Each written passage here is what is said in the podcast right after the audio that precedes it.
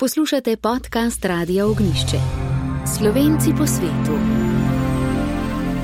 Založba Mladika je sinoči v Peterlinovi dvorani v Trstu razglasila in podelila nagrade 52. literarnega natečaja. Za prozo je prvo nagrado prejela zgodba Trg svobode avtorja Žige Šmidovnika iz Ljubljane. Za poezijo pa pesmi iz ciklusa Besede avtorja Franja Frančiča iz Sečoval. Drugi nagradi sta prijela Tadaja Krečič Šolten za zgodbo Umetnik in Milan Novak za ciklus pesmi, ki je prispel pod geslom Zorenje.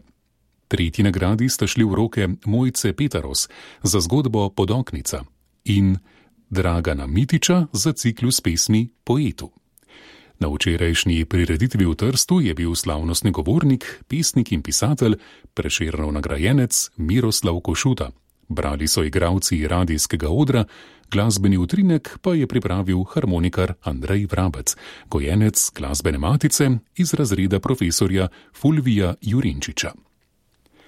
Na natečaju mladike vsako leto sodeluje več kot 100 avtorjev iz Slovenije, zamejstva in zdomstva. Razdeljen je na dve kategoriji in sicer prozo in poezijo.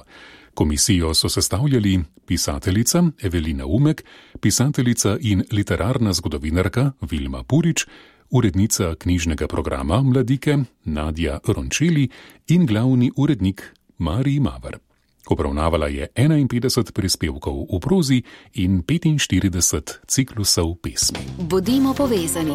Naše podkaste lahko preko aplikacije na svojem pametnem telefonu, tablici ali računalniku poslušate kjerkoli in kadarkoli. Radio Ognišče.